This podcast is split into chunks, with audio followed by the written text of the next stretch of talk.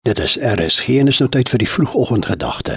Dit word ver oggend aangebied deur Dominee Tarin de Ridder van Mosaïek Kerk in Randburg. Ek sit so rukkie terug by 'n stroompie alleen en begin rustig, sonder 'n agenda of tydsbeperking, Bybel te lees. Dit is lekker om die Bybel ook soos 'n storie te lees. Ek staan stil by die verhaal van Elia en word ingetrek soos met 'n goeie fliek. Ek sit myself sommer dadelik in die skoene van die hoofkarakter self. Die man het daarmee 'n dramatiese lewe saam met God geleef. Maar ons held begin nie juis op 'n hoogtepunt nie. Die eerste wat ons van hom hoor is toe hy die ongewilde nuus van droogte moet aankondig. Dis hoe sy bediening, sover as wat ons in 1 Konings kan lees, begin. Nou wonder ek of daar al hoofstukke van jou storie is wat met droogte begin het.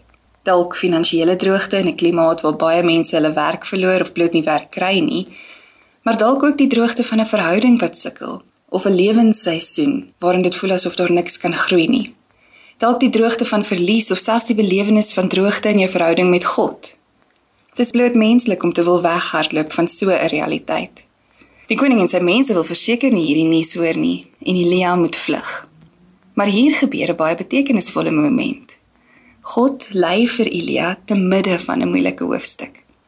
Hy stuur hom in die nodige regte rigting en daarvoor sien hy juis vir hom en dit wat daar nie gaan wees nie. Kos water uit die spruit en kraaie wat kos voorsien. Ons lees dit in vers 3 tot 5. Gaan hiervandaan af ooswaarts en gaan versteek jou in die kritspruit aan die ander kant die Jordaan. Jy kan water uit die spruit drink en ek het die kraaie beveel om daar vir jou te sorg. Hy het gedoen soos die Here aan hom opgedra het. Hy het daar in kritspruit gaan bly aan die ander kant die Jordaan. Die kraaie het vir hom soggens brood en vleis gebring en hulle het vir hom saans brood en vleis gebring en hy het water uit die spruit gedrink. Dis amper asof God toe al vir hom sê wat ook al om jou aangaan, ek bly voorsien. Jy gaan nie jou hoofstuk van droogte alleen in nie. Ek is by jou. Die woorde van die Here beweeg dan weer vir Elia en stuur hom na weduwee toe. By haar kan geen hulp verwag word nie. Tog is dit juist deur haar wat God in die alledaagse iets spesiaals doen. Die meel in haar kry dit nie opgeraak nie, nie olie en nie kan nie minder nie.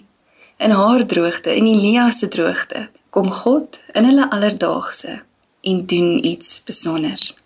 Is daar dalk ook onverwagse plekke of maniere of persone deur wie God in jou droogte jou ontmoet? Jy mag dalk net nodig hê om sy stem te hoor en op te staan om te beweeg in die rigting wat hy jou nooi.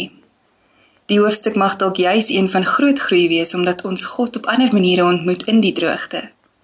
Mag jy nie kwyn en verdwyn in eensaamheid en hopeloosheid nie, maar in afwagting wag vir hoe God jou in jou alledaagse ontmoet. As mede-outeur van ons storie, wie weet watter kreatiewe en verrassende ontmoetings die Here inskryf om ons te herinner dat hy by ons is en dat hy by ons bly.